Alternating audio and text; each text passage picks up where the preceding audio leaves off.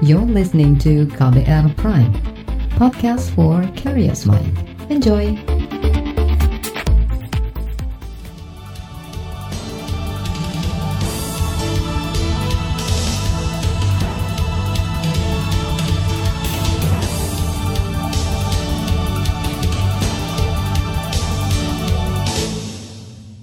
Selamat pagi saudara, kembali KBR menjumpai Anda melalui program Buletin Pagi edisi Senin 8 Juni 2020 bersama saya Don Brady.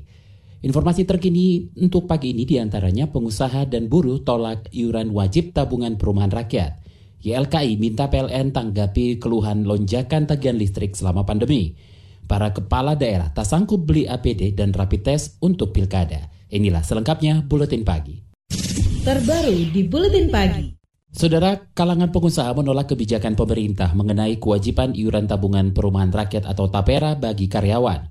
Ketua Umum Asosiasi Pengusaha Indonesia Apindo, Haryadi Sukamdani mengatakan, kewajiban itu menambah beban baru bagi pengusaha karena harus ikut menanggung iuran pekerja. Haryadi mengatakan kebutuhan rumah pekerja seharusnya bisa memanfaatkan fasilitas yang ada yaitu melalui BPJS ketenaga kerjaan. Sangat keberatan adalah akhirnya menambah-nambah beban baru kan, menambah dengan pekerja suruh bayar dua setengah persen, iur lagi, terus pekerja pengusahanya pemberi kerjanya kena setengah persen jadi total tiga persen. Itu kan kan tidak perlu ada gitu loh mas. Kalau kita mau berpikirnya adalah terintegrasi. Terintegrasi dengan memanfaatkan jaminan sosial yang sudah ada dan itu kalau dilakukan semuanya di uh, BPJS Tenaga Kerjaan, untuk si pesertanya juga akan lebih memiliki rasa ini mas tanggung jawab yang lebih yang lebih besar. Ketua Umum Apindo Haryadi Sukamdani menyarankan agar pemerintah memanfaatkan sekitar 30% dana jaminan hari tua BPJS Ketenaga Kerjaan untuk mendukung program perumahan pekerja. Ia juga menilai program Tapera tidak adil karena kewajiban iuran juga dibebankan kepada pekerja yang sudah memiliki rumah. Penolakan program tabungan perumahan rakyat atau Tapera tidak hanya datang dari pengusaha, tapi juga dari kalangan buruh.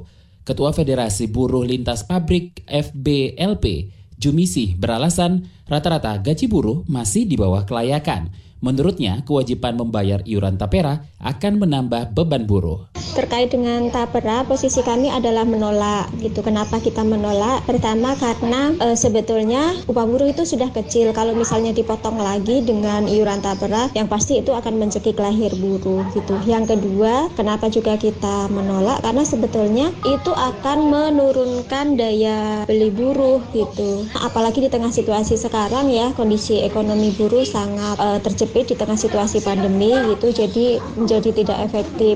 Ketua Federasi Buruh Lintas Pabrik FBLP, Jumisi, menambahkan jika pemerintah berniat membantu memberikan hunian layak kepada buruh, tidak harus mewajibkan buruh mengikuti tapera, apalagi sampai menerapkan metode pemotongan gaji.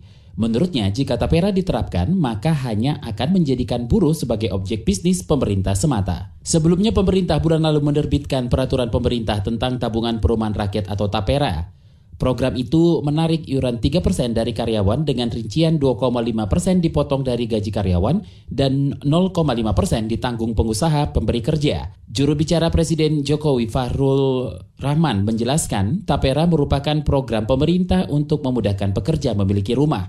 Fazrul mengatakan program itu mewajibkan perusahaan mendaftarkan para pekerjanya. Mekanisme kemudahan para pekerja dalam proses pemenuhan kebutuhan papan hanya tinggal mengikut alur aturan tanpa persyaratan rumit yang tidak bisa dikontrol. Selain itu, Tapera melandaskan mekanisme pada tanggung jawab pemberi pekerjaan atau organisasi usaha untuk membantu proses seperti termuat dalam pasal 8A bahwa pemberi kerja wajib mendaftarkan para pekerja sebagai peserta tapera. Juru bicara Presiden Jokowi Fazrul Rahman menambahkan tapera dijalankan dengan sistem gotong royong.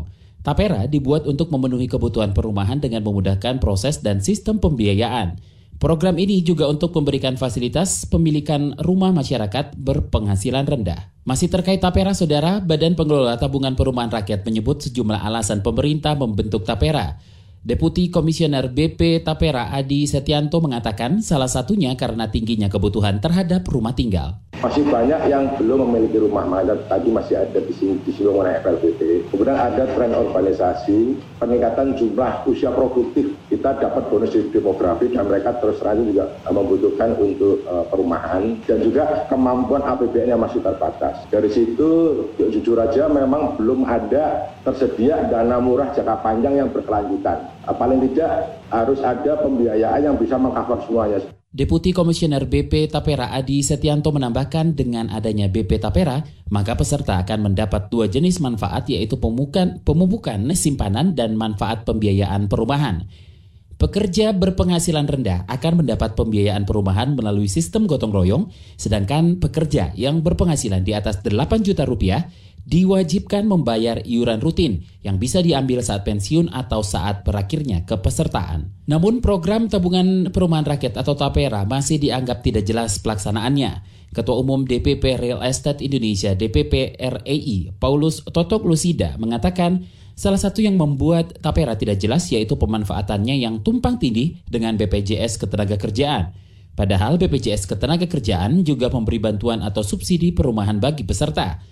Menurut Paulus, dana iuran tapera rawan disalahgunakan. Pemerintah itu selalu niatnya baik, presiden itu selalu niatnya baik, tapi di bawahnya ini jadinya nggak jelas semua. Ya ini yang harus konsisten dan jelas. Nanti tiba-tiba ada lagi kita kelola keuangan ini ke aset manajemen. Wah, tambah nggak jelas lagi nanti duitnya hilang semua nanti akhir. Tapera dan BPJSTK itu sama isinya. Kedua, manfaatnya itu selama ini nggak jelas. Ketiga, pengalaman kita dalam histori kita, mulai zamannya Orde Baru sampai hari ini, semua yang tabungan-tabungan gitu itu nggak jelas. Ketua Umum DPP Real Estate Indonesia Paulus Totok Lusida menambahkan besaran iuran 3% yang dibebankan ke pekerja dan perusahaan juga hanya menambah berat beban pekerja serta pengusaha.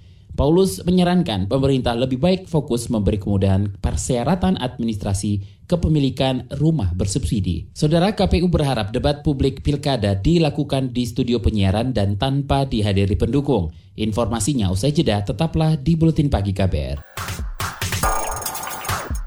You're listening to KBR Pride, podcast for curious mind. Enjoy!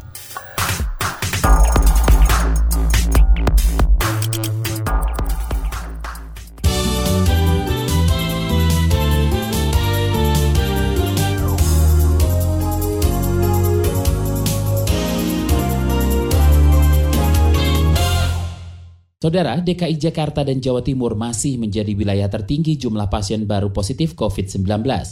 Juru bicara pemerintah untuk penanganan COVID-19 Ahmad Yuryanto kemarin mengatakan dalam 24 jam terakhir ada penambahan 670-an kasus baru positif terpapar virus corona. Jumlah total orang positif COVID-19 saat ini mencapai 31 ribu orang. Total yang sudah kita periksa sampai saat ini adalah 405.992 spesimen. Dari pemeriksaan ini kita dapatkan bahwa didapatkan kasus konfirmasi positif naik 672 sehingga totalnya menjadi 31.186 orang. Juru bicara pemerintah untuk penanganan COVID-19 Ahmad Yuryanto menambahkan sebanyak 8 provinsi melaporkan tidak ada tambahan kasus sama sekali yaitu Aceh, Bengkulu, Kalimantan Barat, Kalimantan Tengah, Sumatera Utara, Riau, dan NTT. Sedangkan 21 provinsi melaporkan kasus baru masing-masing kurang dari 10 orang. Yayasan Lembaga Konsumen Indonesia YLKI mendesak perusahaan listrik negara atau PLN segera menanggapi pengaduan konsumen terkait tagihan listrik yang melonjak selama masa pandemi COVID-19.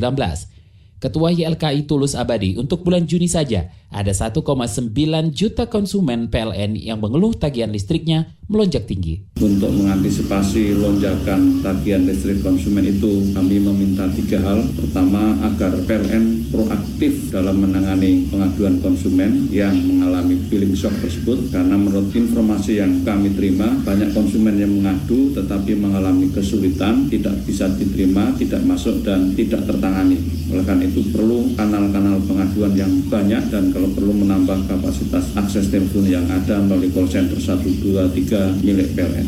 Ketua YLKI Tulus Abadi meminta PLN meningkatkan sosialisasi kebijakan perhitungan tagihan listrik pasca bayar kepada konsumen. Menurut, menurut Tulus, banyak konsumen yang tinggal di daerah rawan COVID-19 belum mengetahui kebijakan PLN. Tulus juga mengimbau masyarakat aktif melapor jika tagihan listrik di rumahnya membengkak hingga 50% lebih terutama sejak pandemi COVID-19.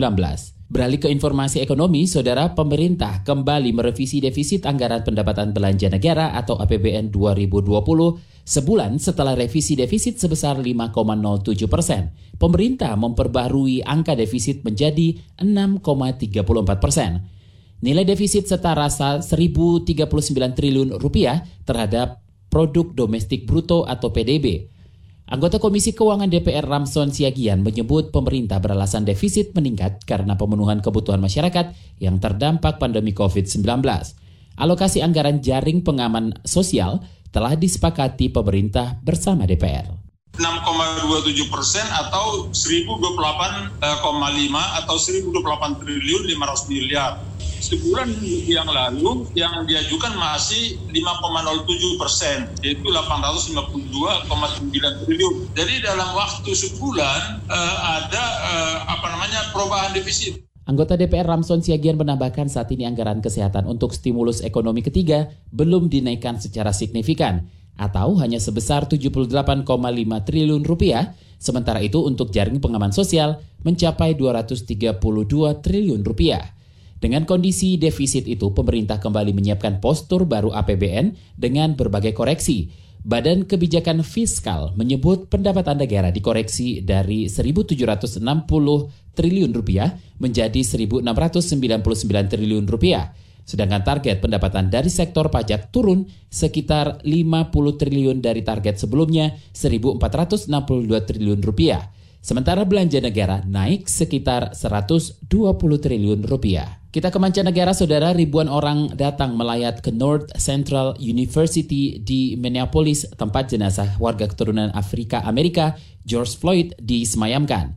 Banyak tokoh Amerika dan pesohor turut melayat dalam upacara perkabungan Floyd, yang kematiannya memicu aksi demonstrasi besar seantero Amerika. Sementara itu, gelombang aksi unjuk rasa memprotes kematian Floyd dan rasisme masih terjadi di Amerika dan negara lain termasuk di depan Gedung Putih Washington DC dan akhir pekan ini sebagaimana dilaporkan Eva Mazrifa dari VOA Indonesia.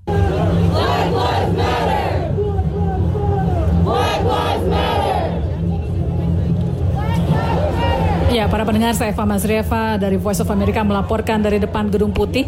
Saat sekarang sedang berlangsung demonstrasi besar-besaran yang terbesar dalam 9 hari terakhir ini menuntut pertanggungjawaban polisi dan diakhirinya aksi kekerasan polisi terhadap warga kelompok minoritas terutama warga kulit hitam Amerika pasca insiden aksi kekerasan polisi di kota Minneapolis, Minnesota yang menewaskan George Floyd. George Floyd sendiri saat sekarang ini jenazahnya sedang berada di North Carolina di mana ia dilahirkan untuk kemudian nanti diterbangkan ke Houston, Texas pada hari Senin. Tapi belasan ribu demonstran masih terus memadati jalan-jalan di sekitar Gedung Putih mulai dari Lincoln Memorial hingga ke jalan perempatan H dan 16 yang oleh uh, wali kota Washington DC Muriel Bowser sudah diubah namanya dari Lafayette Park menjadi Black Lives Matter Park. Nah, tulisan Black Lives Matter yang berukuran besar berwarna kuning, hitam juga dicat di Jalan 16 yang menghadap ke Gedung Putih yang sempat menimbulkan kemarahan Presiden Donald Trump kemarin ketika dia merasa bahwa wali kota Gedung Putih Muriel Bowser tidak kompeten untuk melaksanakan tugasnya karena uh, melakukan aksi sedemikian. Uh, sampai hari ini, ini sekarang sampai saat ini Sabtu ini sekitar jam 7 uh, eh, sore atau malam hari ya di Washington DC ribuan orang masih terus datang ke Gedung Putih. Tidak ada aksi kekerasan, semua berjalan damai meskipun aparat keamanan menyekat perempatan-perempatan strategis dengan truk-truk uh, berukuran besar. Saya Famas Reva melaporkan dari Washington DC. Laporan khas KBR tentang menyoal kekerasan seksual di kampus akan hadir usai jeda. Tetaplah di Buletin Pagi KBR. You're listening to KBR Pride, podcast for curious mind. Enjoy!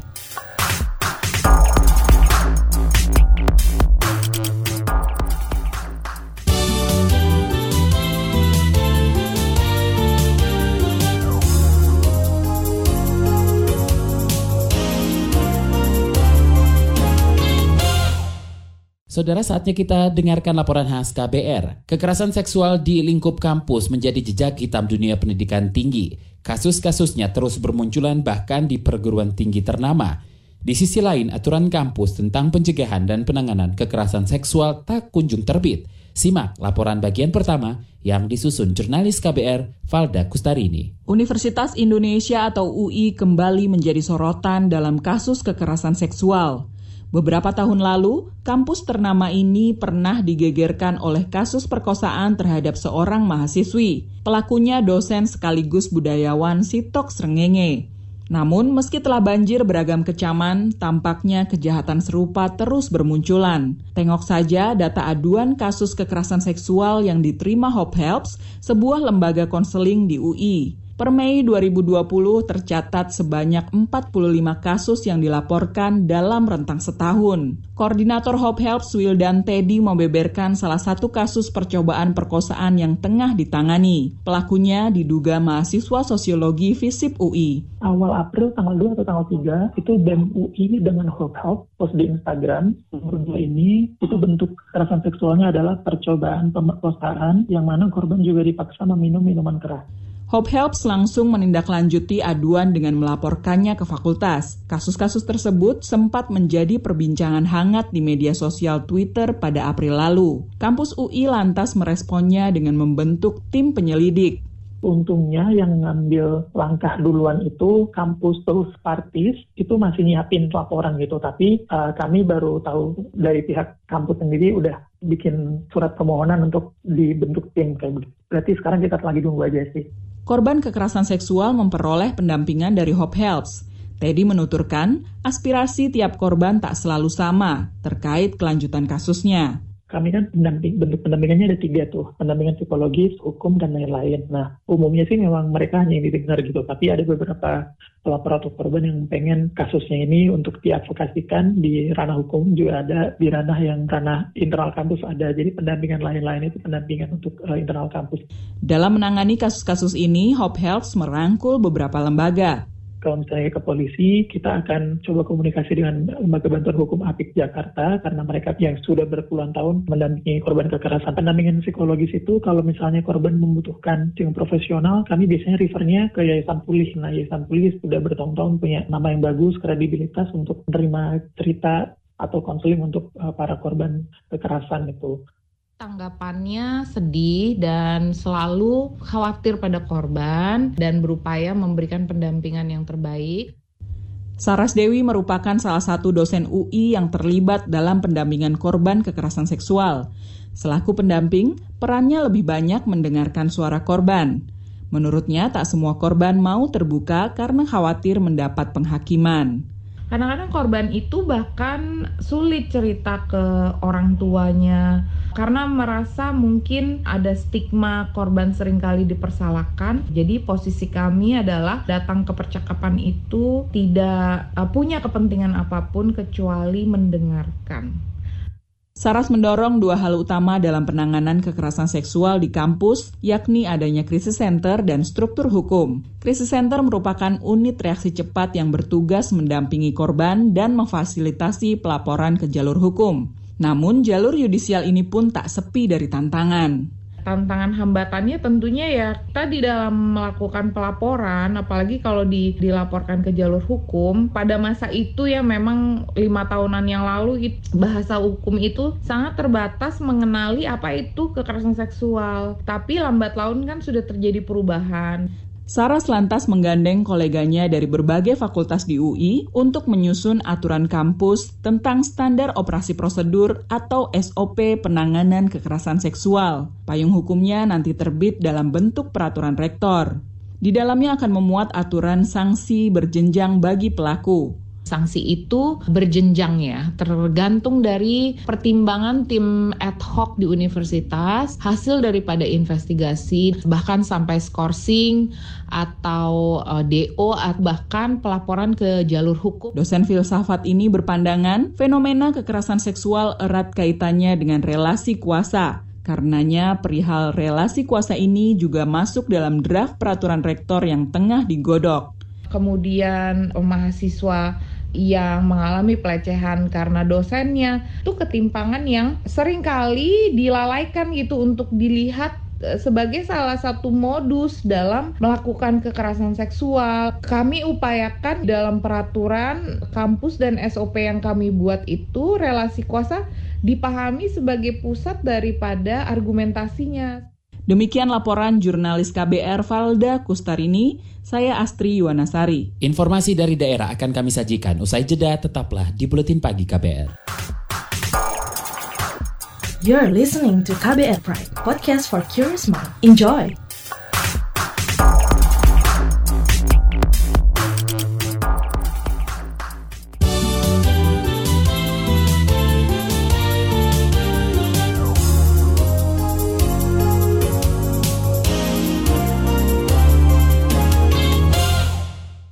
Inilah bagian akhir buletin pagi KBR. Kita ke Kalimantan Timur, saudara sejumlah kepala daerah menyatakan tidak punya anggaran lagi untuk membeli alat pelindung alat pelindung diri atau APD pencegahan COVID-19 saat pilkada nanti. Wali Kota Balikpapan Rizal Effendi mengungkapkan saat konferensi video virtual bersama sejumlah kepala daerah bersepakat bahwa anggaran pengadaan APD dan biaya rapid test harus bersumber dari APBN. Kesepakatan itu menurut Rizal sudah disampaikan melalui Asosiasi Pemerintah Kota Seluruh Indonesia atau APEXI agar disampaikan ke pemerintah pusat. Biaya itu APD rapid, maka daerah tidak sanggup untuk kan APBD menyediakan. Jadi itu minta agar ditangani oleh PBN, gitu, PBN. Karena kita anggarannya udah habis, itu udah ter ini untuk COVID. Jadi kalau ada usulan tambahan anggaran, terutama untuk rapid, untuk maaf alat-alat ya APD, maka itu kita minta agar itu ditanggulangi oleh APBN. Kalau APBD daerah tidak sanggup. Wali Kota Balikpapan Rizal Effendi menambahkan pemberitahuan ketiadaan anggaran penyediaan APD dan rapid test COVID-19 juga akan disampaikan tertulis ke KPU dan Badan Pengawas Pemilu atau Bawaslu daerah. Menurut Rizal, hampir rata-rata pemerintah kota, kabupaten, dan provinsi saat ini sedang kesulitan anggaran karena pendapatan asli daerah atau APBD APD tahun ini umumnya anjlok sampai 50% akibat terdampak pandemi COVID-19. Belum lagi dana bagi hasil atau DBH yang juga dipangkas pemerintah pusat. Kita beralih ke Jawa Timur, gugus tugas percepatan penanganan COVID-19 Kabupaten Jombang menyebut banyak masyarakat tidak mematuhi protokol kesehatan sehingga kasus positif tertular virus corona di wilayah itu meningkat.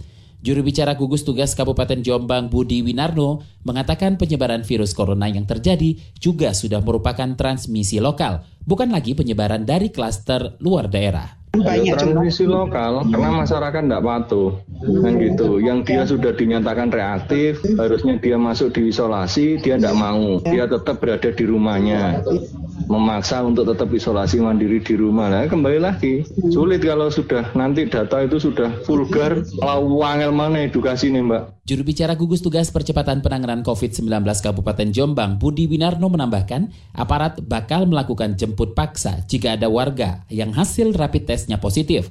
Selanjutnya, mereka harus menjalani isolasi diri di lokasi yang sudah disediakan pemerintah daerah. Hingga akhir pekan kemarin, jumlah kasus positif COVID-19 di Jombang mencapai 93 orang. Jumlah meninggal 5 orang dan pasien sembuh 10 orang. Informasi tadi menutup jumpa kita di Buletin Pagi hari ini. Pantau juga informasi terbaru melalui kabar baru, melalui website kbr.id, Twitter kami at berita KBR, serta podcast melalui kbrprime.id. Akhirnya, saya Don Brady undur diri. Salam.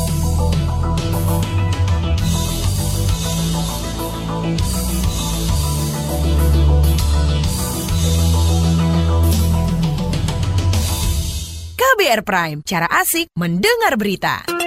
KBR Prime, podcast for curious mind.